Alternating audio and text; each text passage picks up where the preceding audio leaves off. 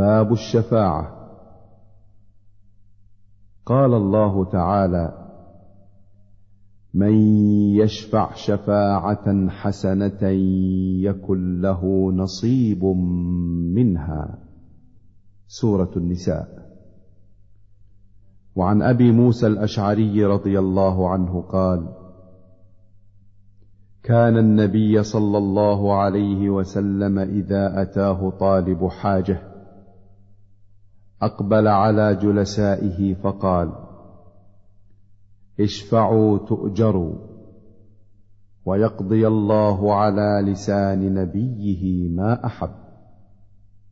متفق عليه. وفي رواية ما شاء. وعن ابن عباس رضي الله عنهما في قصة بريرة وزوجها قال قال لها النبي صلى الله عليه وسلم لو راجعته. قالت يا رسول الله تأمرني. قال إنما أشفع. قالت لا حاجة لي فيه. رواه البخاري.